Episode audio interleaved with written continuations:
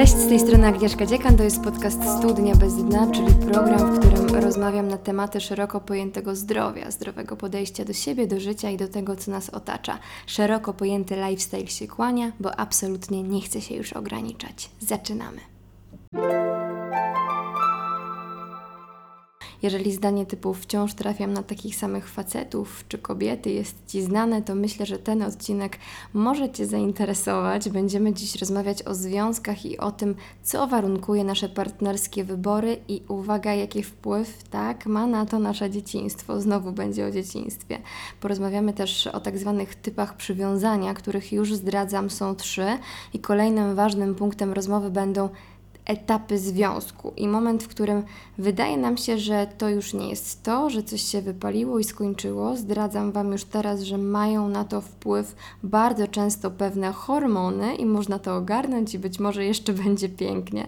Na koniec trochę o miłości romantycznej, o której na pewno powstanie oddzielna rozmowa, tego jestem pewna. A moją dzisiejszą gościnią jest Olga Kamińska, doktor psychologii, wykładowczyni SWPS, badaczka, popularyzatorka i pasjonatka neuronauki i autorka książki Hashtag Love Miłość w XXI wieku. Od razu uprzedzam, że ostatnio miałam dość duże problemy z dźwiękiem i nie jestem w 100% zadowolona z tego, jak to brzmi. Na szczęście Olgę słychać bardzo dobrze, dlatego decyduję się na udostępnienie tego odcinka i już teraz obiecuję, że będę pracować nad tym, żeby już niedługo było lepiej. Tymczasem zachęcam Cię do odsłuchania tej rozmowy, bo uważam, że jest w niej masa wartościowych treści. Także słuchaj i daj koniecznie znać, jak Ci się podoba. Zaczynamy zaczynamy. mną już teraz Olga Kamińska, neuropsycholożka, badaczka emocji i relacji. Cześć Olga. Cześć, cześć, dzień dobry. Jesteś też autorką książki Love, czyli Jak kochać w XXI wieku. I od razu przychodzi mi na myśl pierwsze pytanie, czyli czy faktycznie ten XXI wiek generuje jakąś inną miłość niż było to kiedyś? No, Możemy powiedzieć, że miłość, e, jak myślimy o niej na zasadzie takich procesów biologicznych, to jest cały czas ta sama. No tak. Ale jednak to, jak my ją ubieramy, jak do niej podchodzimy, w jaki sposób budujemy relacje, to się zmienia w zależności od kontekstu, od tego, mhm. w jakim e, żyjemy, e, w jakiej kulturze żyjemy, wśród jakich osób. No i oczywiście ten XXI wiek e, to technologia, no czyli tak. zupełnie inny sposób komunikowania się. No i wiemy też, że coraz więcej osób wchodzi w relacje właśnie nie poprzez taki bezpośredni kontakt na ja dyskotece. Ja mam chłopaka z Tindera. No więc właśnie, tak. to o czym tu więcej mówić? Ale fakt, zabiera to na pewno trochę magii, tylko czym jest ta magia? O tym też będziemy mówić, bo w tej magii jest coś więcej niż nam się wydaje i tej chemii, którą czujemy od samego początku, ale musimy się chyba cofnąć kilka, kilkanaście, czasami kilkadziesiąt lat Mm, dlatego, że no niektórzy mogą się irytować, że cały czas to dzieciństwo się przewija, mówimy non-stop o tym dzieciństwie, no ale ono jednak jest niesamowicie ważne. Ale ze czasów dzieciństwa tworzy się mocny kor tego, jak my reagujemy, jakie mamy schematy myślowe, jakie mamy style przywiązania. I skoro będziemy mówić dziś o związkach, to te style przywiązania, które za dzieciaka się pojawiają, one rezonują później na nasze życie. Tak, dokładnie. I to, o czym powiedziałaś, e, właśnie o tym korze, tej strukturze, to ja e, jako neuropsycholożka tak pozwolę sobie troszeczkę mm takiego wstępu właśnie e, dokonać tutaj. No bo wiemy, w ogóle rodzimy, w momencie, kiedy się rodzimy, to nasz mózg już ma bardzo dużo neuronów, w zasadzie więcej niż w, w teraz, w momencie, kiedy jesteśmy dorośli. I to, co się dzieje w, na, na tych etapach różnych rozwoju, to my tracimy część połączeń, ale część połączeń powstaje i się mhm. wzmacnia, tak? Czyli e, my na podstawie doświadczeń, oczywiście tam też e, pewną rolę odgrywa genetyka, e, bo mamy predyspozycję do tego, że, na przykład, żeby uczyć się języka i ten rozwój ale jest języka. coś takiego, prawda? Bo są trochę dwie, dwie szkoły, że z jednej strony, że są predyspozycje, a z drugiej, że to nie jest prawda i my możemy nauczyć się czego chcemy. Nie jest tak do końca. No, e, ma, e, genetycznie mamy predyspozycję. Okej. To jest tak, że mamy też okresy krytyczne, które na przykład powodują, że w momencie, kiedy nie zrobimy czegoś do określonego wieku, tak jest na przykład z chodzeniem albo z, właśnie z mową, to Mhm. potem bardzo trudno jest te straty nadrobić. Mhm. Właśnie ze względu na to, że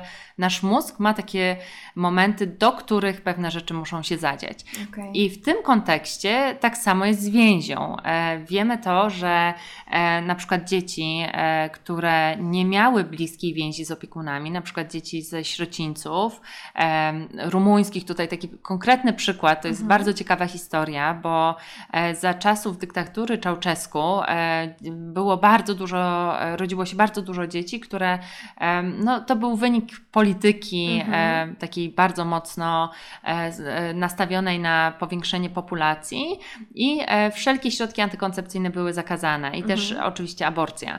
I to doprowadziło do tego, że bardzo dużo dzieci nie było, rodzice nie byli w stanie się nimi zaopiekować i one trafiały do e, sierocińców i również dzieci z wadami genetycznymi, no, Mhm. w wyniku tego, że, że nie stosowano żadnej, nie było możliwości aborcji. I to, co się działo w tych sierocińcach, e, no, jest na pewno e, taką traumatycznym obrazem e, skrajnego odizolowania, e, pozostawienia tych dzieci samych sobie. No, Mhm. taki trudny temat, e, bo jak e, weszły wojska, to właśnie zobaczyły, że te, te sierocińce są bardzo zaniedbane. Dzieci, które w nich były, niezależnie od wieku, nie były przewijane, nie miały odpowiedniej opieki.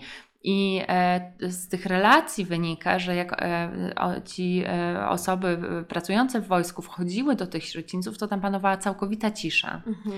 I to jest takie ciekawe, bo my jak myślimy o małym dziecku, które ma niezaspokojone potrzeby, to to dziecko płacze, prawda? No Tak. bo chce jeść, albo jest mu mokro i tak dalej, Jest i tak dalej. głośne. Tak, jest Mhm. głośne i to jest naturalna reakcja, taka biologiczna również, że nawołuje właśnie tej opieki od innych Mhm, tak. osób. E, Natomiast tutaj to, co się zadziało, i też to nasze myślenie o stylach przywiązania będzie wynikało z tych obserwacji, to to, że e, w wyniku niezaspokajania tych potrzeb, czyli dziecko płakało, e, wiemy, że płacz, rozpacz to są emocje, które wymagają bardzo dużo wysiłku, prawda? One Mhm. są bardzo wycieńczające. Tak. I po, wie, po wielokrotnym powtarzaniu tego, tej rozpaczy, tego płaczu, kiedy pojawiała się potrzeba i tej konfrontacji, że nie ma odpowiedzi z drugiej strony, to ta odpowiedź się w pewnym momencie wyciszała. Czyli Mhm. te dzieci uczyły się, że ten płacz nic nie da, więc w pewnym momencie po prostu wpadały w taki letarg, e, który e, w zasadzie się e, właśnie opierał na takim wyizolowaniu, odcięciu od świata zewnętrznego, Mhm. ale również odcięciu od swoich potrzeb, czyli też no, możemy o tym myśleć w taki sposób, że, że takie dzieci czują dyskomfort, ale nie wyrażają go albo wręcz przestają go odczuwać. Mhm. I że te się, emocje się kumulują w środku. No właśnie, to, to jest oczywiście pytanie, bo na poziomie takim e, powierzchownym te, i, i takiego odczucia e, możemy powiedzieć, że te osoby raczej nie czują emocji, no ale wiemy, że, że to nie jest do końca tak, bo mamy różne choroby psychosomatyczne, które gdzieś tam potem wybijają często po latach i, Tak. em, i właśnie pokazują, że, że ten poziom emocjonalny, zaniedbany poziom emocjonalny bardzo mocno przekłada się na nasze funkcjonowanie. Mhm. Więc y, my możemy jakoś sklasyfikować te style przywiązania i jest ich jakaś konkretna ilość, czy, czy, czy nie? Tak, no właśnie, no właśnie, tutaj e, ten przykład oczywiście jest takim e, przykładem ekstremalnym, Tak.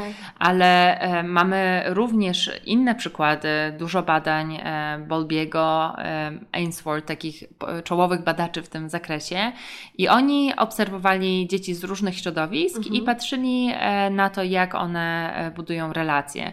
E, Potem ta linia badań była kontynuowana przez e, badaczy, polegała na tym, że e, mama albo główny opiekun, e, albo ojciec, tam oczywiście historycznie częściej to była mama, teraz Mhm. coraz częściej się mówi o tych dwóch figurach, Uf. prawda? Na szczęście e, te zmiany zachodzą, e, no ale e, czyli ten e, była obserwowa- był obserwowana e, osoba opiekująca się dzieckiem e, i e, interakcja z obcym, i, e, czyli osobą, która pracowała w laboratorium i e, właśnie e, badacze przyglądali się, na ile dziecko eksploruje świat na przykład. Kiedy jest mama w pokoju, kiedy mamy nie ma, kiedy dziecko zostaje tylko z tym opiekunem, kiedy w ogóle zostaje samo, jak reaguje, jakie emocje się pojawiają. Mhm.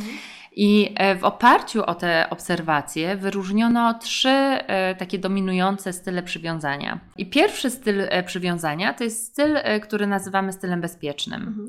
E, I on charakteryzuje się, nie wiem, czy może opowiem na początku, jak to wygląda u dzieci, tak. a potem sobie powiemy, jak to się przekłada na e, dorosłe e, relacje.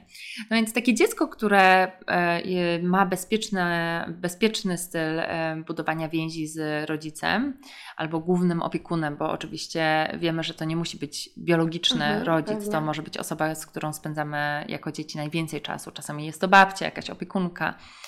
E, to e, w tym bezpiecznym modelu właśnie e, dziecko ma takie poczucie, że ten, ten, ta osoba jest i w momencie, kiedy się coś zadzieje, to zawsze mogę do tej osoby się zwrócić. Mhm. Czyli. Um, Czyli nie zostaje sam sobie, tylko zawsze ta pomoc nadejdzie. Tak, ale ta pomoc nie jest taka, że kroczy krok za krokiem za tym dzieckiem, mhm. tylko właśnie dziecko ma poczucie, że ono może samo poznawać świat. Czyli e, e, nie boi się tego, że coś tam może czyhać, bo w sytuacji nagłej czy niepewnej pojawi się, się ta osoba. Mhm. E, I to daje dziecku taki, takie głębokie poczucie bezpieczeństwa i głębokie poczucie więzi z tą e, drugą osobą. Oczywiście e, to nie tylko dotyczy eksplorowania świata, ale również takich obszarów jak na przykład e, zaspokajanie tych potrzeb emocjonalnych czy fizycznych, tak, mhm. fizjologicznych. Możemy powiedzieć, że dziecko w takim, w takim modelu będzie wiedziało, że jak zapłacze, no to ten, ta osoba zwróci uwagę na jego potrzeby, postara się je ukoić, nawet jeżeli to będzie mm, jakiś po prostu napięcie, napięcie emocjonalne, tak? Mhm. Czyli e, niekoniecznie takie związane z potrzebą napicia się z jedzenia czy, czy e, zapewnienia potrzeb fizjologicznych, tylko właśnie takie ukojenie emocji. I e, rodzic, który jest, czy ten opiekun, który może budować taką więź bezpieczną, no bo pamiętajmy o tym, że to zazwyczaj dziecko nie jest e, tutaj takim narratorem tego wszystkiego, czy to, to nie dziecko nadaje rytm tej interakcji, mhm. częściowo oczywiście, ale to jest kwestia tego, w jaki sposób rodzic się zachowuje, okay. prawda? Mhm. E, czyli jeżeli pojawiają się jakieś trudne momenty i rodzic ma tę gotowość, żeby skonfrontować się z tym płaczem dziecka, czy z dyskomfortem, czy z radością również, no bo to też chodzi o takie mhm. odpowiadanie na, na, na różne emocje, to są często takie bardzo proste rzeczy, na przykład e, kwestia naśladowania mimiki, tego, czy nawiązujemy kontakt wzrokowy, jak mhm. nasze ciało reaguje na dziecko, takie często na, no naprawdę bardzo podstawowe, ale już na tym etapie właśnie to, to pozwala dziecku poczuć to bezpieczeństwo w relacji. Więc to jest ten styl bezpieczny, tak szeroko, e, mhm. te, szeroko wąsko opisując. I jaki to później ma wpływ na dorosłe życie mhm. tego małego wcześniej człowieka? Tak, no właśnie. E, to jest bardzo ciekawe, bo e, osoby, które są generalnie bezpieczne, to są osoby, które mm, budują bliskie relacje, są otwarte na budowanie takich relacji, ale e, co ciekawe, też potrafią kończyć związki mhm. i stawiać granice. Więc może się czasami tak wydawać, że no, ale jak to? Ta osoba skończyła pięć związków, jak ona może być bezpieczna, tak? Czy my mhm. kończymy ileś tam związków? Ale to pokazuje, że e, po prostu w momencie, kiedy coś dzieje się niezgodnego z, na, z, naszym modelem funkcjonowania, czy z tym wyobrażeniem e, relacji, to my nie brniemy w e, dysfunkcyjny model, mhm. tylko potrafimy go zakończyć właśnie dbając o, o swoje bezpieczeństwo. Ale słuchaj, czasami muszę to wtrącić, czasami w naszym pojęciu dysfunkcyjny związek jest naprawdę taki, czy po prostu to jest poza naszym schematem jakimś poznawczym, my nie znamy takiego życia, a to wcale nie jest złe życie, ale na starcie, wiesz, blokujemy rozwój sytuacji, bo to jest dla nas niebezpieczne, ale niekoniecznie takie jest. Mhm. E, akurat u tych osób bezpiecznych to jest bardzo ciekawe właśnie w, tym, w kontekście tego, o czym e, mówisz, bo ten przypadek, o którym Mhm. mówisz, będzie bardzo znamienny w stylu lękowo-ambiwalentnym. Mhm.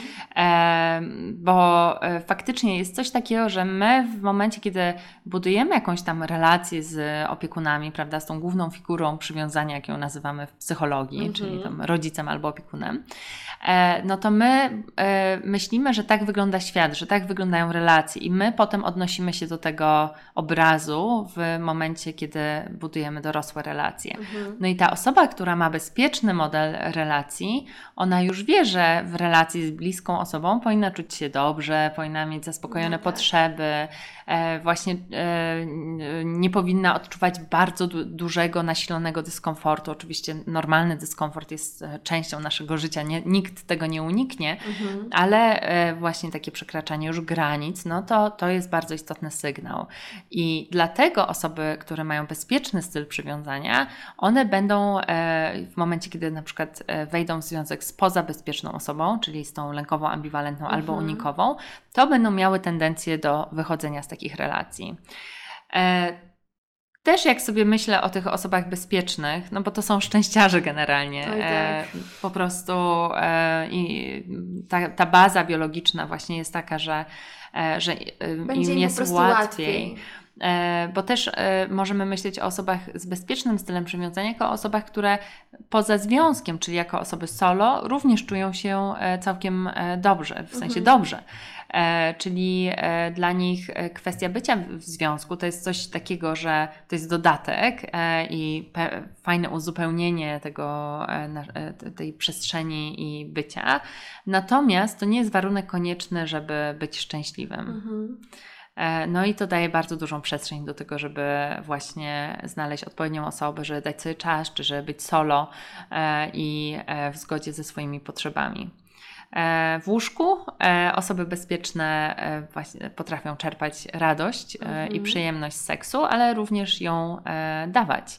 Czyli też w Czyli pojawia się tam też taki zdrowy, zdrowy egoizm, który jest bardzo potrzebny. Tak, dokładnie. I e, on się pojawia na tych różnych, e, na, w różnych przestrzeniach e, Mhm. związku, również e, właśnie w tej przestrzeni seksualnej, czyli to nie jest tak, że e, ja jestem bezpieczna i teraz biorę wszystko dla siebie, bo chcę być Mhm. szczęśliwa.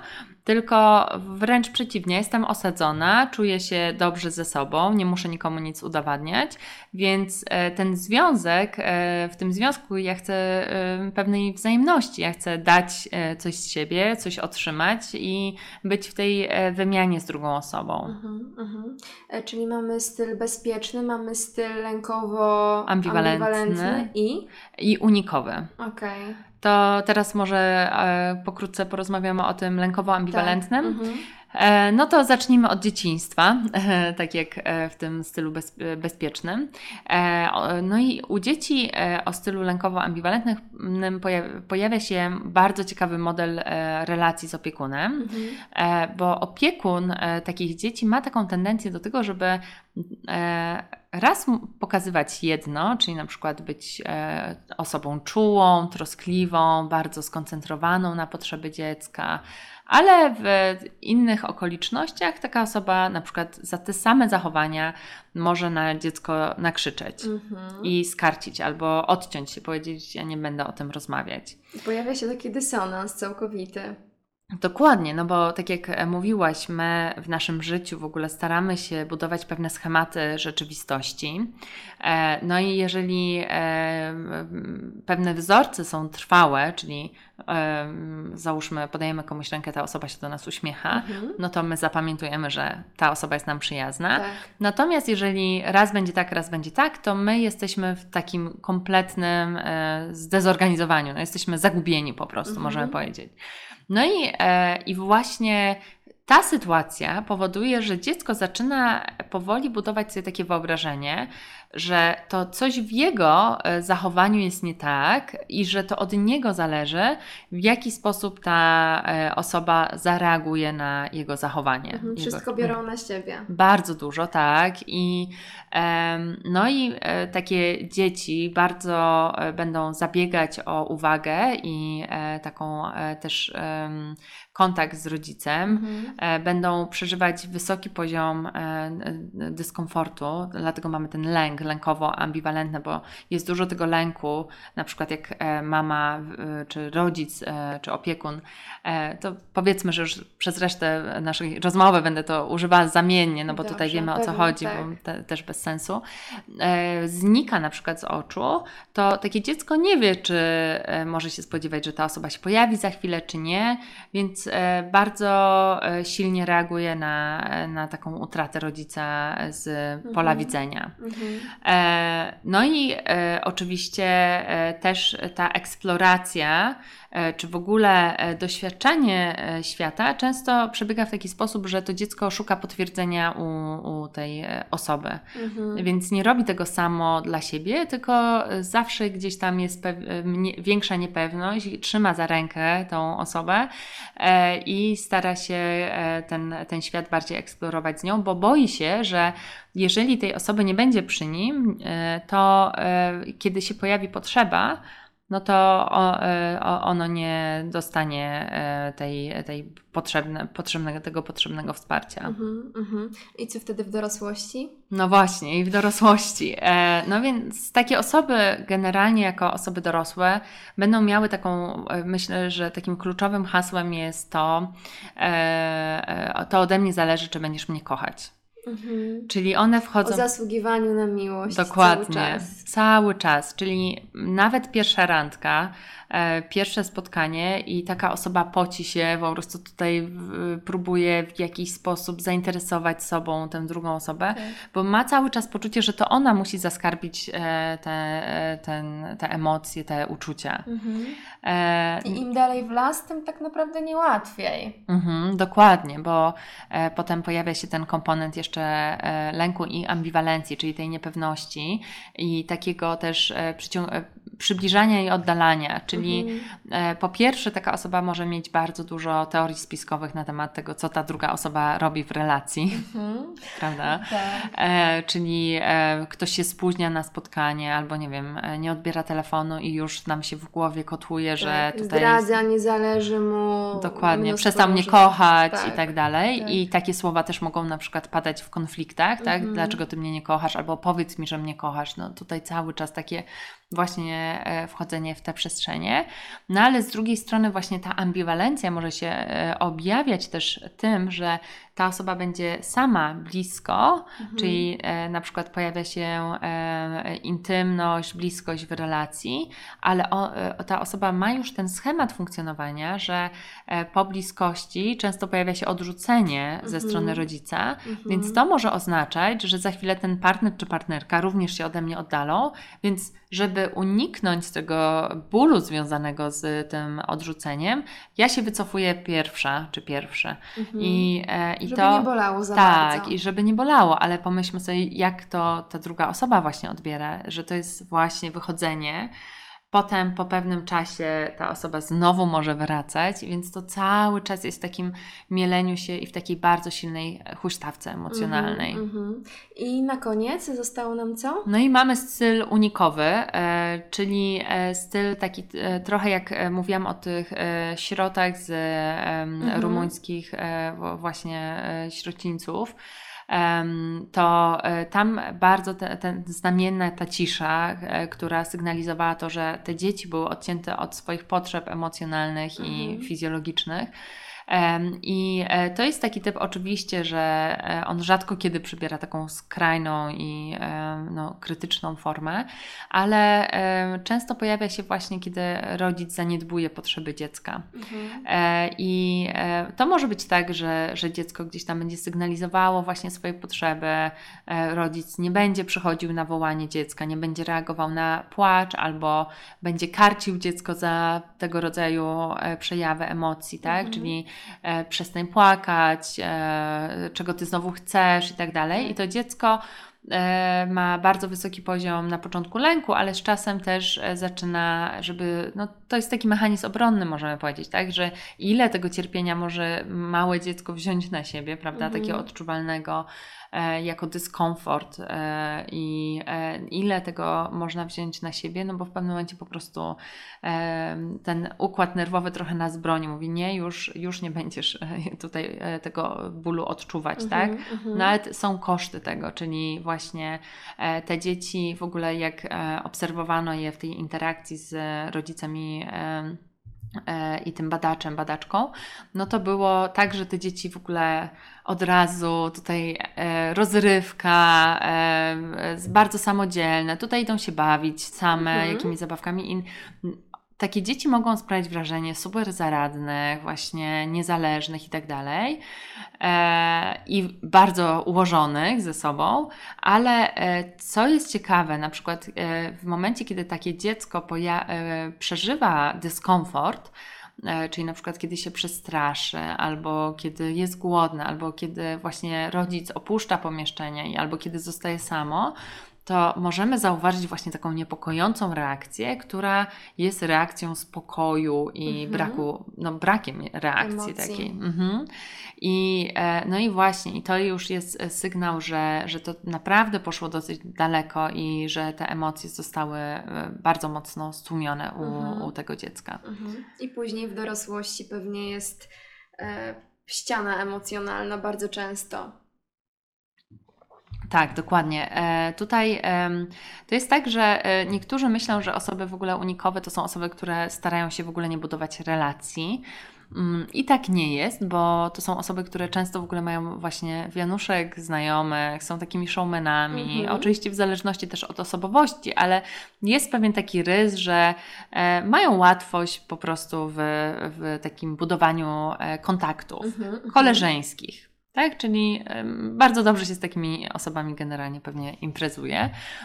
E, I e, to też może być takie zadziwiające, że my widzimy tą osobę, która jest bardzo otwarta na innych ludzi, ale w momencie, kiedy wchodzimy w związek z taką osobą, ona. Coś zupełnie inny nam się ukazuje. Dokładnie. I w ogóle nie ma tam e, dostępu do tego, co ta osoba przeżywa, co ona czuje. Mhm. bardzo trudno jest nam porozmawiać z taką osobą o emocjach, no bo ona w zasadzie może nie tylko nie chcieć o tych emocjach rozmawiać, tylko te emocje zostały tak stłumione, że ona może nawet nie czuć tych emocji, prawda? -hmm. To jest taka bardzo długa praca terapeutyczna, żeby, e, żeby te emocje wyciągać e, z siebie i żeby odzyskać ten e, dostęp do, do nich.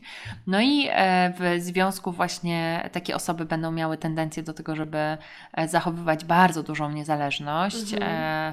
No i też nie będą w zasadzie chciały podejmować takich tematów, które kojarzą nam się z intymnością, czyli takich tematów, które gdzieś tam pogłębiają relacje, które pomagają nam zrozumieć życie wewnętrzne drugiej osoby, że Tutaj te tematy mogą e, oscylować wokół e, bardziej jakiejś pasji, e, hobby, prawda, mhm. innych osób, ale to też pewnie w mniejszym stopniu, czyli bardziej na takich formalnych tematach, bardzo, może to być bardzo elokwentna i bardzo fajna taka dyskusja na poziomie, ale jednak no, nie będzie ona dotyczyła nas w tej relacji, w tym związku. Wydaje mi się to w takim razie, jak tak podsumujemy sobie te style, że nie jesteśmy w stanie Mm, się tego wyprzeć, więc mimo wszystko, nawet jeżeli zależy nam, żeby w przyszłości mieć na przykład inny związek budowany na innych wartościach, to mimo wszystko przyciągamy, jak to się mówi cały czas, trochę ten sam sos, w którym pływaliśmy całe dzieciństwo. Ze skrajnych takich właśnie przykładów, czy to jest przemoc domowa i później przemocowy partner, partnerka, czy przeróżne aspekty. I jednak te znane nam schematy są z nami przez całe nasze dorosłe życie, chociaż tego nie chcemy. Mhm. Czy to, jakby co na to wpływa? Dlaczego tak się dzieje? No właśnie, bo tutaj dochodzimy do tego, co jest dla nas e, znane. Mhm. I e, to jest bardzo ciekawy mechanizm, że my w momencie, kiedy tworzy się nasza wizja e, świata, tworzy się również e, struktura umysłu i my to możemy oczywiście rozkładać na poziom taki bardziej poznawczy, czyli zastanawiać się o tym, jakie tam mamy schematy, mhm. jakie, jakie właśnie, jakie sposoby myślenia, ale ja znowu jako neuropsycholożka tutaj odwołam się do tej perspektywy biologicznej, i e, myślę, że to, co jest istotne, to my w wyniku pewnych doświadczeń budujemy te konkretne e, połączenia neuronalne, mhm. ścieżki. I to jest tak, że jeżeli pewne zachowania, czy e, nawet pewne informacje na, na nasz temat e, będziemy e, wielokrotnie e, słyszeć czy doświadczać, Mhm. to one bardzo mocno utrwalą się w naszym mózgu. To jest trochę tak, że informacje, które są dla nas takie rzadko spotykane, to one są jak takie polne, zapomniane drogi. Czasami Tak. mogą już takie jak drogi leśne zarastać, prawda? Tych połączeń praktycznie nie ma. Natomiast e, te informacje, które bardzo często są wykorzystywane, czy te schematy, które często są wykorzystywane, to są jak e, takie prawdziwe autostrady, Mhm. bardzo szybki przekaz, e, tam tych e, po prostu te połączenia na poziomie neuronalnym są silniejsze. Nie będziemy tutaj wchodzić za bardzo w szczegóły, tutaj, żeby trochę po prostu to zobrazować. Mhm. No i my e, w momencie, kiedy e, żyjemy na przykład z takim lękowo-ambiwalentnym rodzicem, e, w tej relacji lękowo-ambiwalentnej, to tą naszą autostradą to jest właśnie to, że ktoś jest dla nas miły, potem jest niemiły. I my odnajdujemy się w tej relacji, bo to jest to, w czym e, wzrastaliśmy, tak? To, to, do czego się przyzwyczailiśmy. A jak jest zbyt miło, to zaczynamy szukać powodu, dla którego może nie być miło. No właśnie, i potem e, ta, ta potrzeba, ta struktura tej relacji, którą wyciągamy z dzieciństwa, ona e, właśnie przekłada się na to, na oczekiwania e, Mhm. w, e, w związku. I e, to, o czym mówisz, e, my czasami e, nawet e, będąc, mając taki model dysfunkcyjny, my mamy takie poczucie, szczeg- szczególnie te osoby lękowo-ambiwalentne, że na przykład e, jeżeli mój partner się ze mną nie kłóci, Mhm. e, czy partnerka, e, to znaczy, że ta osoba mnie nie kocha, bo te emocje nie są zbyt intensywne, prawda? Ale wiesz, mówi się, że jak Mhm. para się nie kłóci, to znaczy, że coś jest nie tak. No właśnie, teraz też mówi się odwrotnie, nie? że Tak. no więc to jest ten temat konfliktów też jest bardzo ciekawy i można by o nim osobny podcast pewnie zrobić, więc. Generalnie kłótnie są dobre, faktycznie, ale ważne jest to, jak się kłócimy, więc to Mhm. tak em, ad vocem tutaj w, w, możemy wrzucić. E, Ale, ale faktycznie e, tutaj te, te osoby lękowo-ambiwalentne, one będą miały taką ochotę na taką rzeźnię emocjonalną, po Mhm. prostu, żeby, żeby właśnie przejść przez taki mechanizm odrzucenia, takiego katarzis, po prostu bardzo trudnego e, doła, płaczu, rozpaczy. Choć to jest wyczerpujące, to znają to i w tym się odnajdują. Tak, i to jest bardzo ciekawe też, jak sobie patrzymy na taki wzorzec na poziomie neuronalnym, bo okazuje się, że takie stabilne związki generalnie e, to e, no one fajnie wyglądają, e, czy fajnie brzmią, jak sobie o nich rozmawiamy. Mhm. No ale one generalnie prowadzą do tego, że my jesteśmy w stabilnym stanie takiego okej. Mhm. No Czy tak. jest dobrze, tak? No, e, badania nad depresją e, takiego badacza Kupensa, Petera Kupensa, pokazują, że my na przykład nasze zdrowie emocjonalne jest wtedy, kiedy my ani nie mamy jakichś dużych odchyleń do góry, ani do dołu, tak? Więc Mhm. No niestety, żeby, żeby, e, żeby żyć na takim stabilnym poziomie, to też trzeba sobie odciąć te górki. Więc to, to nie jest tak, że tylko możemy sobie dołki odciąć, ale też górki. No i osoby lękowo-ambiwalentne, one mają bardzo silną e, właśnie taką, ten model taki, że jest bardzo dobrze, czyli jest takie sklejenie, robienie wszystkiego razem, ekstaza i tak Mhm. dalej.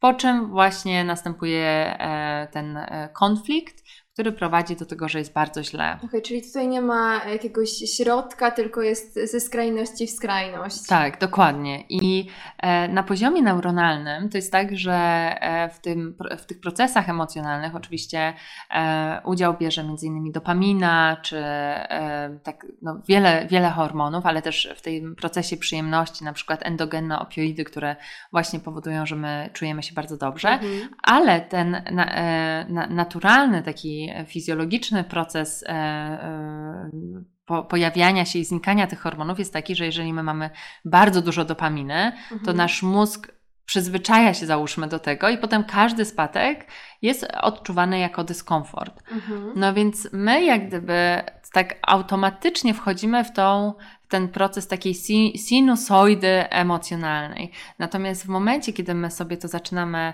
e, troszeczkę wy- wyciszać, tą jedną i drugą stronę, Mhm. to nasz poziom e, dopaminy zaczyna się utrzymywać na bardziej stałym poziomie i e, dzięki temu też nie, nie będziemy zaliczać takich mocnych zejść, no ale też nie będziemy właśnie tych rzeczonych górek e, odczuwać tak mocno. Okej, czyli taka, taka świadomość tego, jaki mamy styl przywiązania, to nie jest gwóźdź do trumny, tylko to jest moment, w którym możemy się temu przyjrzeć i właśnie na tej bazie coś zmieniać. Mhm, dokładnie, bo e, oczywiście dyskusja, na ile my możemy zmieniać style przywiązania, e, jest bardzo rozległa i często e, osoby po wysłuchaniu takiego odcinka, może też teraz pojawia się takie pytanie e, u Was, no dobrze, no ale co teraz, tak? No i Mhm.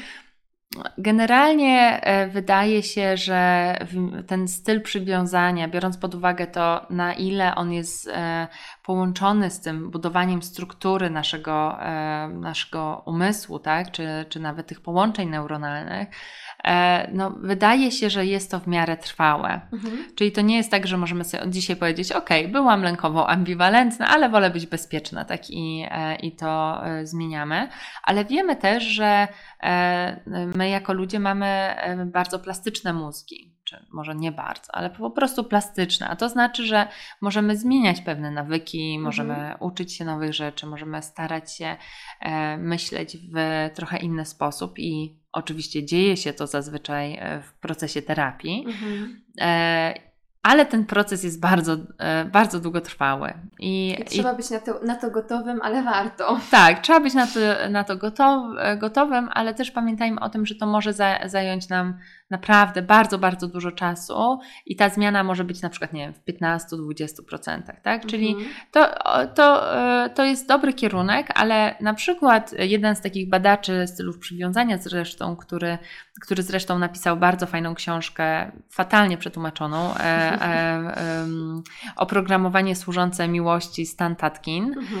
E, on mówi o tym, e, no, może tak naprawdę zamiast się tutaj nastawiać na to, że my zmienimy ten swój umysł i te swoje doświadczenia, e, czy przejdziemy zupełnie na inny model, to może lepiej byłoby właśnie zrozumieć dokładnie, jaki ja mam styl przywiązania i zobaczyć, co ja mogę moje, mojemu partnerowi albo partnerce powiedzieć na ten temat, Mhm. jakie ja mogę wobec tej drugiej osoby, no, ja, ja, jakie prośby mogę wystosować w stosunku do tego, jak się zachowuje i na ile to poinformowanie na przykład, słuchaj, ja mam coś takiego, że generalnie zawsze szukam zdrady w Mhm. związkach, czy, e, czy generalnie na przykład, kiedy jestem, e, pracuję nad czymś, naprawdę potrzebuję, żebyś mi nie przeszkadzała, nie przeszkadzał, albo napisz mi SMS-a, tak, E, a nie, nie przerywaj, to ja wtedy w tej wolnej chwili e, Ci na to odpowiem. No to wszystko jest po prostu też o komunikacji.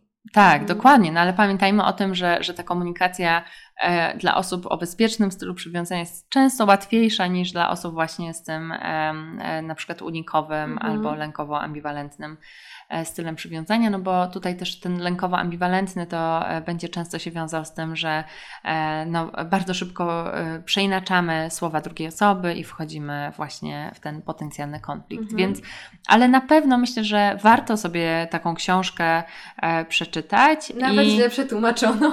Tak, nawet źle przetłumaczoną, e, ale warto ją e, przeczytać i e, zobaczyć, e, gdzie, gdzie jest mój partner, partnerka, tak? Mhm. Ja, jakie zachowania u nich mogą wynikać z tego, e, z, tego, z rzeczy, na które nie do końca miały wpływ. No, w zasadzie nie miały wpływu. Tak. Jeżeli ja byłam w pięciu związkach, które wyglądały w zasadzie bardzo podobnie Mhm. i wchodzę w szósty e, i on zapowiada się bardzo podobnie, no to em, no właśnie, pojawia, pojawia się pytanie, co z tym robię. Mhm. No bo e, takim em, dobrym modelem byłoby zastanowić się, czego tutaj szukam, albo przynajmniej e, zacząć jakoś inaczej ustawiać tą relację, ale wiemy, że to wymaga akurat dodatkowej, e, właśnie dodatkowego procesu tego pracy nad swoimi emocjami i tej świadomości swoich emocji, prawda? Bo Mhm. To też jest tak, to, to co powiedziałeś, że te emocje nami kierują albo nie kierują. No, ja wierzę w to, że emocje są nam generalnie potrzebne i jeżeli ja się wściekam albo jeżeli ja jestem smutna, to fajnie jest e, zobaczyć te emocje, ale postarać się e, zrozumieć, dlaczego one się w tym momencie pojawiają. I Mhm.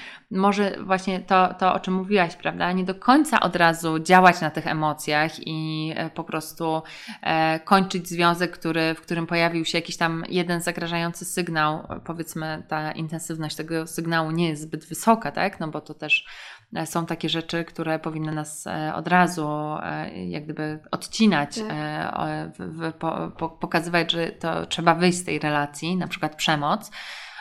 No ale e, są, e, są takie sygnały, w których my się możemy czuć nie do końca bezpiecznie. Nasze emocje już mogą mówić, ok, uciekamy, ale tutaj właśnie takie obserwacje i takie zastanowienie się, z czego to wynika. Może e, właśnie ta osoba chce bliskości emocjonalnej i chciałaby się otworzyć, a ja wiem, że ja mam z tym problem. Mhm. I co ja mogę zrobić w tej e, sytuacji? No, możemy na przykład pójść na terapię z e, drugą osobą. Mhm. To jest taki temat trochę tabu, no bo dużo par podchodzi do terapii jako do takiego ostatniego, po prostu ostatniego ratunku. Tak, tak. Ale i kojarzy się też z miejscem bardziej dla małżeństwa z długim stażem, aniżeli dla, nie wiem, pary, która jest ze sobą, nie wiem, 3-4 lata. Mhm. No to no jak, właśnie. No, idziemy do psychologa razem, no trochę, trochę to się nie klei, trochę jest to wstydliwe. No dokładnie, e, dokładnie, dużo osób tak do tego podchodzi, ale pomyślmy o tym w takiej perspektywie długofalowej. No,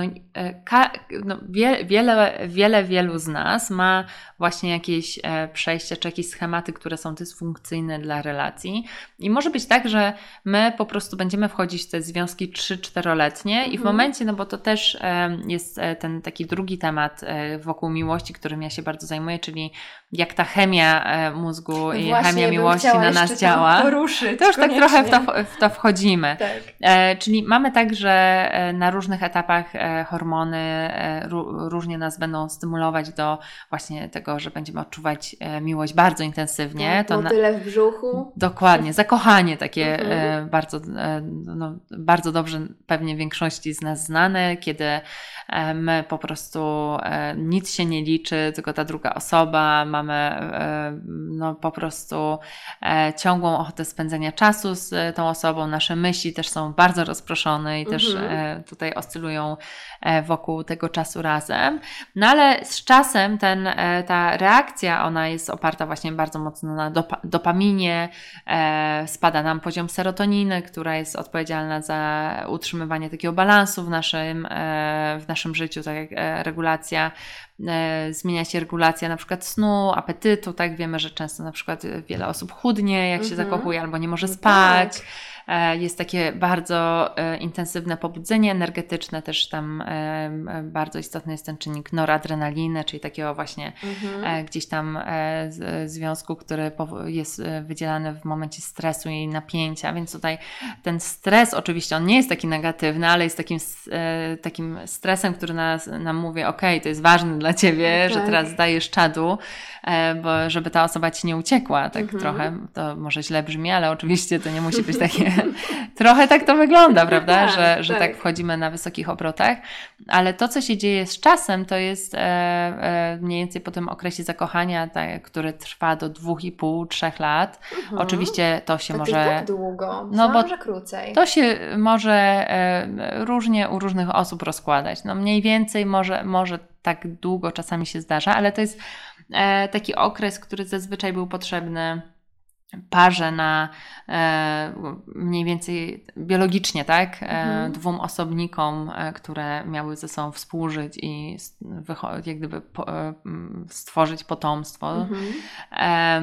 No to mamy tak ten okres takiego zapoznania się, no, który powiedzmy chwilę trwa. Tak. Potem jest okres ciąży, kiedy też potrzebna była potencjalnie opieka tej, tej samca nad samicą. Mhm. No i potem okres po porodzie porodzie, kiedy kobieta jest no, karmiąca, kiedy potrzebuje dostępu do zasobów i e, e, dodatkowego wsparcia przy opiece nad dzieckiem, tak? Mhm. Czyli ten, e, ta, ta więź no, na poziomie biologicznym najprawdopodobniej była po, tym, żeby była po to, żeby wspierać ich w tym procesie. No i, e, i właśnie wracając do tego jeszcze wcześniejszego wątku, w momencie, kiedy my e, przechodzimy z tej fazy zakochania, mhm. to często mamy takie poczucie, że ta miłość nasza się skończyła. Że no. coś się wypaliło. Tak, że ja już nie czuję tego. To w ogóle e, właśnie pojawiają się tego typu stwierdzenia, prawda, że ja już tego nie czuję, że no, że ta osoba staje mi się y, no, bardziej jak gdyby odległa, że już się tak nie staram i tak dalej. No i to się dzieje za sprawą oksytocyny, mhm. e, która jest hormonem e, trwałych relacji, e, czyli ona jest, oczywiście ona się wydziela na tych wcześniejszych etapach, ale dopiero na tej fazie przywiązania, czyli po tym, po tym szaleńczym zakochaniu, mhm. ona zaczyna dominować. Czyli to jest hormon przywiązania. Tak, przywiązania i e, generalnie oksytocyna działa tak, że no, też w związku z jej e, większym wydzielaniem, z większym wydzielaniem się oksytocyny zmniejsza się poziom testosteronu. Mhm. A testosteron wiemy, że to jest hormon, który jest na przykład odpowiedzialny za takie e, zachowania również seksualne, no za tak. dominację i tak dalej. Więc tak. możemy powiedzieć, że to jest e, ten moment, kiedy na przykład spada nam również libido w związku mhm. i no, możemy myśleć też, że właśnie ten związek się wypalił, bo już na przykład nie nie kochamy się tak często ze sobą, jak e, to miało miejsce wcześniej. No. Mhm. Mhm. Czyli my w takim razie mm, naszym zadaniem jest jakieś wsparcie tej oksytocyny, czy my możemy to zrobić, żeby to działało mocniej, ta... bardziej, przez cały czas? No właśnie ta oksytocyna działa, gorzej, że te, te y, mechanizmy dopaminowe nie mhm. działają, czyli takie związane z przyjemnością, z kortyzolem, z adrenaliną. E, no ale tutaj faktycznie to jest dobre pytanie i e, wiele osób, które zajmują się miłością, one sugerują, że właśnie na tym etapie, kiedy już się robi tak naprawdę e, bardzo swobodnie w relacji, piżama, dres i tak dalej, mhm. to warto robić rzeczy, które są dla nas czymś nowym i czymś bardziej ekscytującym. Mhm. No bo załóżmy, jeżeli ja, nie wiem, zawsze jeździmy na jakieś wakacje takie w hotelu czy gdzieś w jakimś pensjonacie, to załóżmy wyjechanie na wycieczkę rowerową z sakwami pod namiot e, będzie dla nas nowe, będzie emocjonujące o ile nie będzie dla kogoś koszmarem, ale powiedzmy, że e, będzie w tym jakaś przyjemność. Mhm. No a, ale przez to, że my to zrobimy z partnerem czy partnerką, to zaczniemy odczuwać właśnie taką ekscytację z tym związaną, że zobaczymy tą osobę w innym kontekście mhm. i to też może tak właśnie doładowywać ten związek.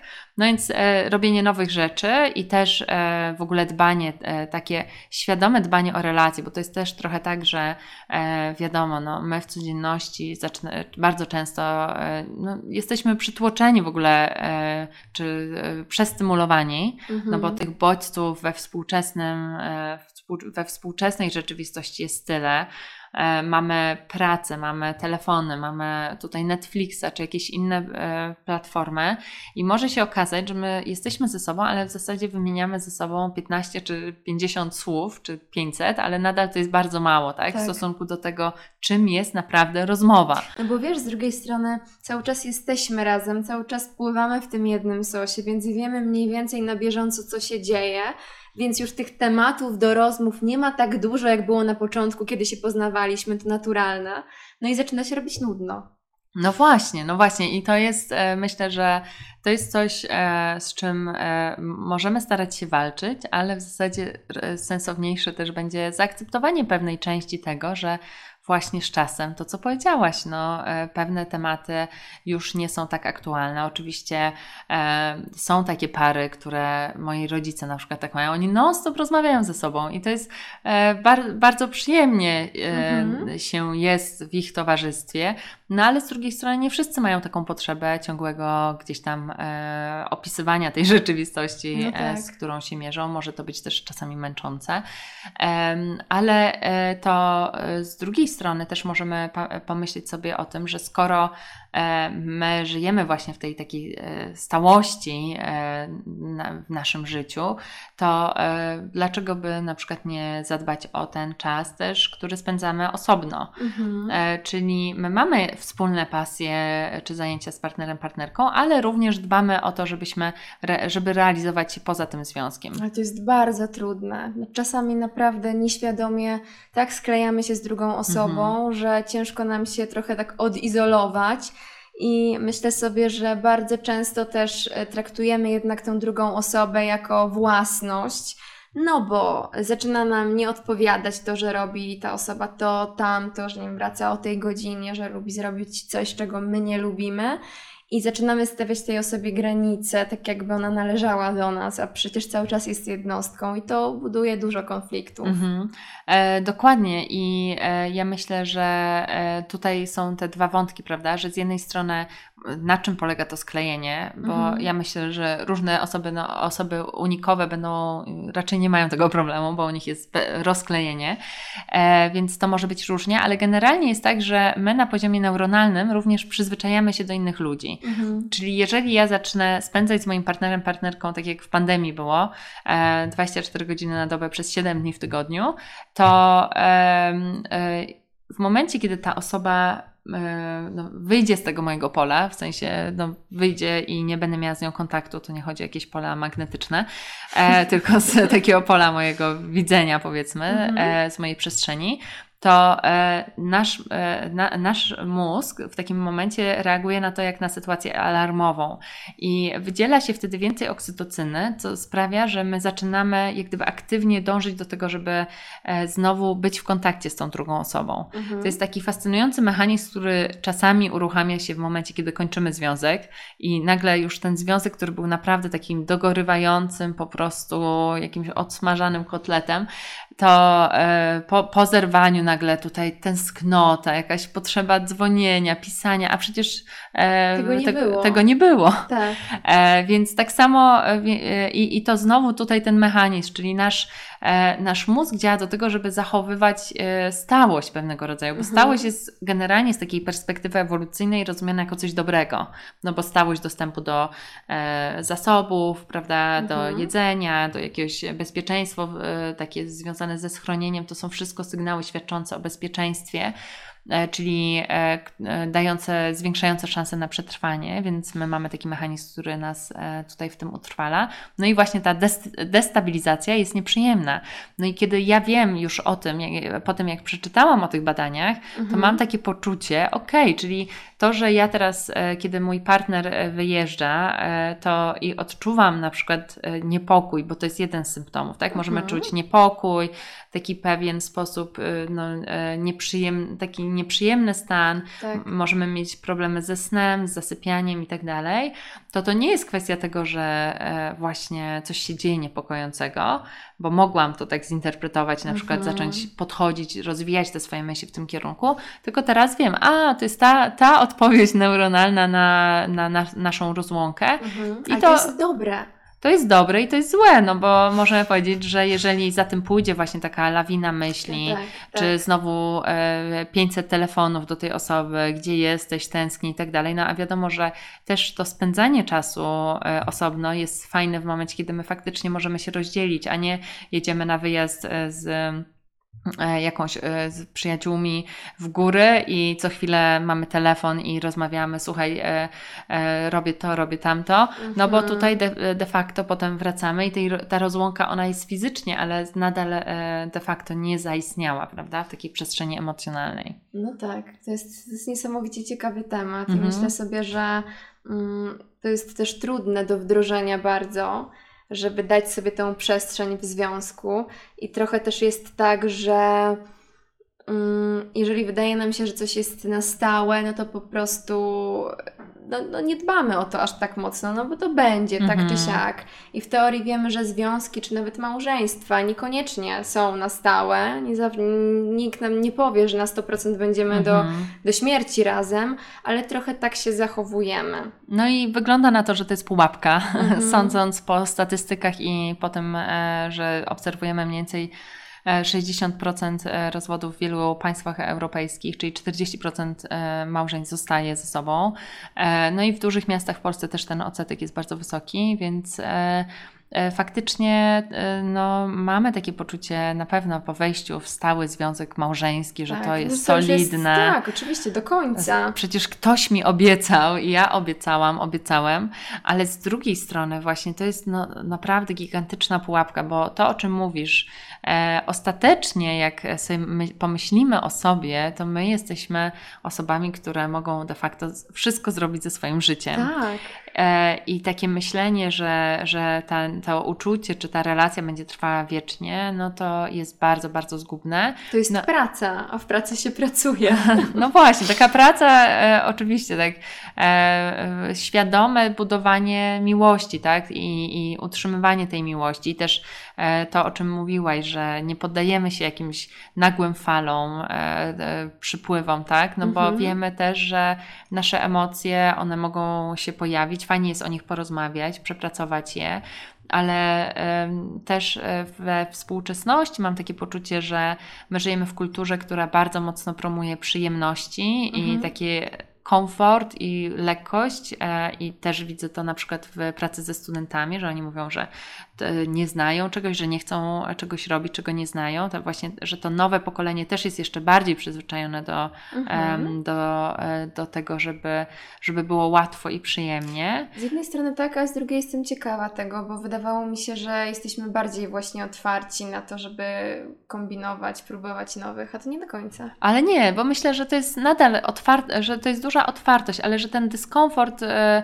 jest e, w naszej kulturze wypierany. Mhm. Czyli jeżeli na przykład masz trudną relację z koleżanką czy z przyjaciółką, no to po co się męczyć? Przecież jest tyle osób. Nie, masz trudną relację z partnerem, przecież jest na Bumble czy tam na Tinderze jest tyle Tak. osób.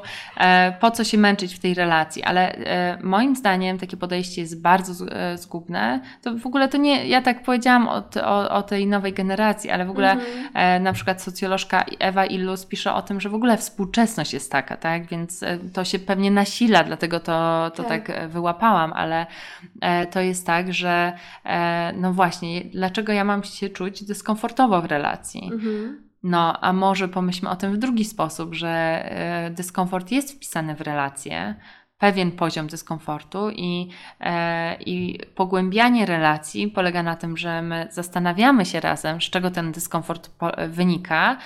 Razem przepracowujemy to, a potem e, wynika, wynikają z tego jakieś nasze kolejne kroki. Mhm. E, Natomiast podejście, że e, ja się nigdy nie będę konfrontować z dyskomfortem, jest o tyle zgubne, że ten dyskomfort w każdej kolejnej relacji się pojawi. No, nie ma szans. Ludzie są po prostu te, ta, Tak. złożeni. I zmienimy związek i na początku będzie i ta e, dopamina i to wszystko, co nas uskrzydla, ale później znowu przejdziemy do tego, do tego konstansu. No właśnie, więc e, i, i, e, i do konstansu, ale też do tych trudności, No które, tak. które możemy chcieć pomijać. Więc myślę, że warto jest mieć w tym obszarze taką świadomość i też zastanawiać się, no bo oczywiście to może być ryzykowne też takie pójście tylko za tym kierunkiem, czyli biorę dyskomfort za wszelką cenę, bo pamiętajmy o tym, że dyskomfort, e, który utrzymuje się bardzo długo i w Mhm. ogóle złe związki, one mają negatywny wpływ na nasze funkcjonowanie. Mhm. E, E, To też e, się odbija na naszym zdrowiu, na e, pracy układu krwionośnego, bardzo dużo negatywnych konsekwencji. Mhm. Czyli nie tkwimy w złych związkach, tak? Ja w ogóle do tego nie zachęcam, ale dyskomfort na poziomie codziennych doświadczeń, e, właśnie trudnych rozmów, to, to jest coś, co, z czym e, warto się mierzyć, bo to pozwala nam na wejście, e, na pogłębienie relacji i też e, no, na budowaniu czegoś, czego nie, nie osiągniemy wchodząc w 15 czy 30 związków krótkotrwałych w przeciągu naszego życia. Ale jeszcze tylko jedna rzecz, myślę, że to też jest tak, że my oczywiście możemy mówić o pewnych plusach i minusach. Ja tutaj chcę jakąś perspektywę zaznaczyć, ale różne osoby mogą mieć różne potrzeby, więc to nie jest tak, e, że 30 związków e, jest gorsze niż jeden związek na całe życie, bo to zależy od tego, czego ja szukam. Mhm. Po prostu, nie, jeżeli będziemy mieli 30 związków, to będziemy mieć dużo dopaminy, dużo przyjemności i ekscytacji, Tak. ale mniej pogłębionych relacji. A jeżeli będziemy mieli jeden stały związek, to właśnie pogłębione, ale mniej dopaminy. Więc e, to jest bardziej kwestia tego, żeby móc świadomie decydować o tym, czego ja chcę w moim życiu i, e, i właśnie e, w wyniku, w związku z tą wiedzą wybierać, Mhm. a nie czuć, że ja po prostu wpadłam w jakieś sidła i mi te związki nie wychodzą, bo kolejny raz chcę mieć stałego partnera, ale ma, a się. nie udaje. Mhm. Mhm. A powiedz mi w takim razie na koniec, czy koncepcja miłości romantycznej też spowodowała, że my zmieniamy dość szybko związek w związek? bo wydaje nam się, że powinno być właśnie tak kolorowo, że my powinniśmy po prostu rzucać się na siebie i powinniśmy po prostu aż eksplodować od miłości. Mhm. No to wiesz, to tak na koniec, a to możemy zacząć w zasadzie. No, mamy czas, mamy czas. Ale faktycznie, no, e, koncepcja miłości romantycznej, ja też bardzo mocno jej się przyglądam w swojej książce e, i myślę, że tutaj tych wątków jest niezwykle wiele, między innymi kwestie tego, jak kultura kapitalistyczna promuje Jak taką. To jest naprawdę temat na kolejny podcast. Tak, no. tak, to jest naprawdę bardzo duży temat i e, kapitalizm e, dąży też do tego, żebyśmy budowali relacje, które będą właśnie intensywne, ale też które będą zamknięte na te dwie osoby, które są ze sobą gdzieś tam spojone, mm -hmm. prawda? No, oczywiście ta miłość romantyczna, też nasz obraz miłości romantycznej wynika z komercyjnych produktów, który, których byliśmy czy odbiorcami, no bo mam na myśli wszystkie, nie wiem, część bajek Disneya, e, czy komedie romantyczne, które, którymi były, wiele osób było karmionych w młodości. Teraz już się na szczęście ten obraz trochę zmienia, tak. e, bo mamy pokazane też bardziej e, inne normy. W... Ale też pokazywane, są, pokazywane jest normalne życie, nie? nie tak, coraz ten, częściej. Tak, mhm. tak. Między innymi w tym serialu This Is Us, to właśnie my, takim jednym tak. z moich ostatnich odkryć, który mnie bardzo tak e, ugruntował w fajnych obserwacjach właśnie mhm. pokazujący życie na różnych etapach, ale właśnie życie pogłębione z trudnymi emocjami często, czy negatywnymi emocjami. No ale tutaj wracając do tej miłości romantycznej, więc na pewno jest tak, że my z jednej strony już mamy tą zmianę kulturową, ale nadal ten mit miłości romantycznej bardzo mocno się utrzymuje w nas. Mhm. I on nawet. na tym. Tak, i on właśnie, i on znowu jest w tej strukturze umysłu. I mhm. dopiero jak zaczynamy się nad nim zastanawiać, zastanawiamy się, czy ja chcę być tą osobą, czy ja szukam drugiej osoby, z którą będę mogła realizować swoje marzenia, czy ja mogę sobie zacząć realizować swoje marzenia teraz. Ja miałam taką koleżankę, e, w sensie mam taką koleżankę, e, która bardzo chciała kupić mieszkanie, mhm. ale cały czas mówiła, że jeszcze czeka, aż znajdzie tego faceta, z którym e, kupi te, to, to mieszkanie. Ja mówię, słuchaj, nie czekaj, po prostu, po prostu just do it, tak, no, bo, tak. no bo o co chodzi? A ona mówi, no tak, no ale wiesz, wtedy nam się zmienią potrzeby i tak dalej. Mhm. I ostatecznie ona kupiła to mieszkanie, ale 15 lat później sama, mhm. no bo takiej się e, w życiu potoczyły różne historie, no ale to e, i, i wiele innych przykładów, to czekanie na przykład e, chce wyjechać w Himalaje, ale chce wyjechać tam ze swoim ukochanym, tak, czy tak. ukochaną, ale dlaczego zakładasz, że po pierwsze ta osoba się pojawi w Twoim życiu, a po drugie, że ta osoba akurat będzie chciała jechać w Himalaje, a nie na przykład na, do jakiegoś, nie wiem, hotelu. W, mhm. I dlaczego masz odkładać swoje marzenia, swoje cele, pasje tylko dlatego, że wymyśliłaś sobie, jak to ma wyglądać. Tak, dokładnie. A to wymyślone niekoniecznie się ziści. I to wymyślone wcale może nie być Twoje, bo tak. ta wizja, że Ty to robisz z partnerem czy partnerką jest z filmu, e, czy jakiegoś właśnie tego obrazu z dzieciństwa, a być może e, świetną e, przygodą jest zrobienie tego z jakąś osobą, e, która e, jest też w klubie chcę, sportowym. Też, tak, właśnie też chcę to Dokładnie. zrobić, bo ja sama się łapię na tym, że wiesz, coś, co mnie zachwyca, nie zawsze zachwyca mojego partnera. Mhm. I bywały momenty, w, którym ja, ja, w których ja tego nie rozumiałam i frustrowało mnie to, że dlaczego my razem nie możemy się tym zachwycać. Ale ja mam jego do zachwycania się tym, a swoją przyjaciółkę do zachwycania się czymś innym, no. a coś, czym zachwycam się sama.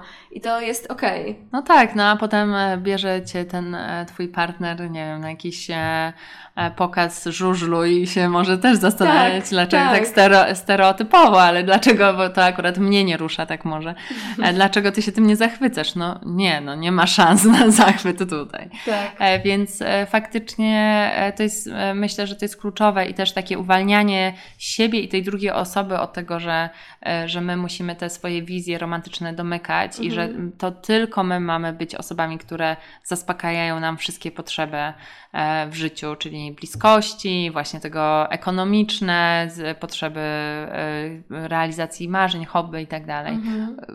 Ludzie przez wieki żyli w szerszych społecznościach, które były właśnie oparte na tym, że z jedną osobą robiłam to, z inną No osobą tak. tamto i, e, i wtedy też ta presja jest e, mniejsza, więc ten, ten związek może ewaluo, ewaluować w jakimś innym, może nieznanym nam kierunku, ale w takim, w którym my jesteśmy my Mhm. jako my, a nie ta wyidealizowana wersja miłości romantycznej, bo załóżmy, że ten em, partner e, pojedzie ze mną w Himalaje, ale co z tego, jak będzie cały czas chodził e, i po prostu e, wkurzał się, że, e, że mu się ciężko oddycha, Tak, tak. cokolwiek. Dokładnie.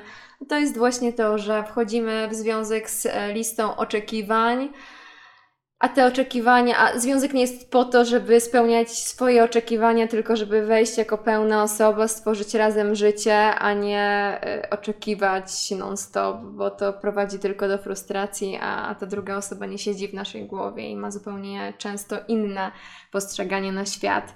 E, Tak jak powiedziałaś o miłości romantycznej, mogłabyś, mogłybyśmy jeszcze rozmawiać i nagrać o tym kolejny odcinek, więc e, stwierdzam, że teraz robimy pauzę i być może jeszcze do tego wrócimy.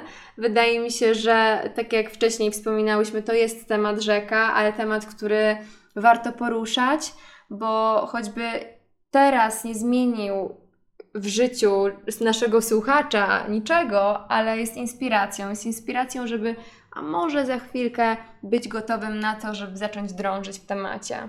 Dokładnie. I e, jeśli Was interesują te tematy, to zapraszam oczywiście do mojej książki Hashtag Love Jak kochać w XXI wieku. Na moją stronę olgakamińska.pl też niedługo e, będzie możliwość skorzystania z jakichś kursów, e, które mogą pomóc też e, właśnie roz, ro, rozłożyć ten swój związek na czynniki pierwsze i na Instagrama relacje z głowy. A ja Tobie bardzo zazdroszczę, że siedzisz w tym temacie, bo podejrzewam, że też żyje Ci się inaczej.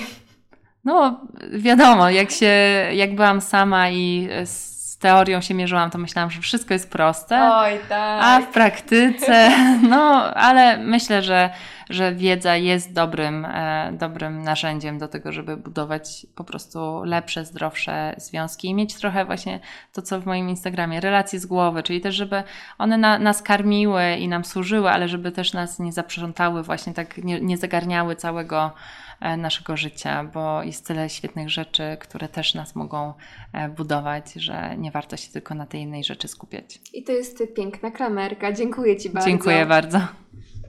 Jeżeli słuchasz mojego podcastu, dodaj koniecznie znać, jak Ci się podoba. Będę super wdzięczna, jeżeli go ocenisz gdziekolwiek jesteś. Na pewno pomoże mi to w tworzeniu dalszych treści. Tymczasem słyszymy się za tydzień. Dzięki bardzo. Do usłyszenia. Hej!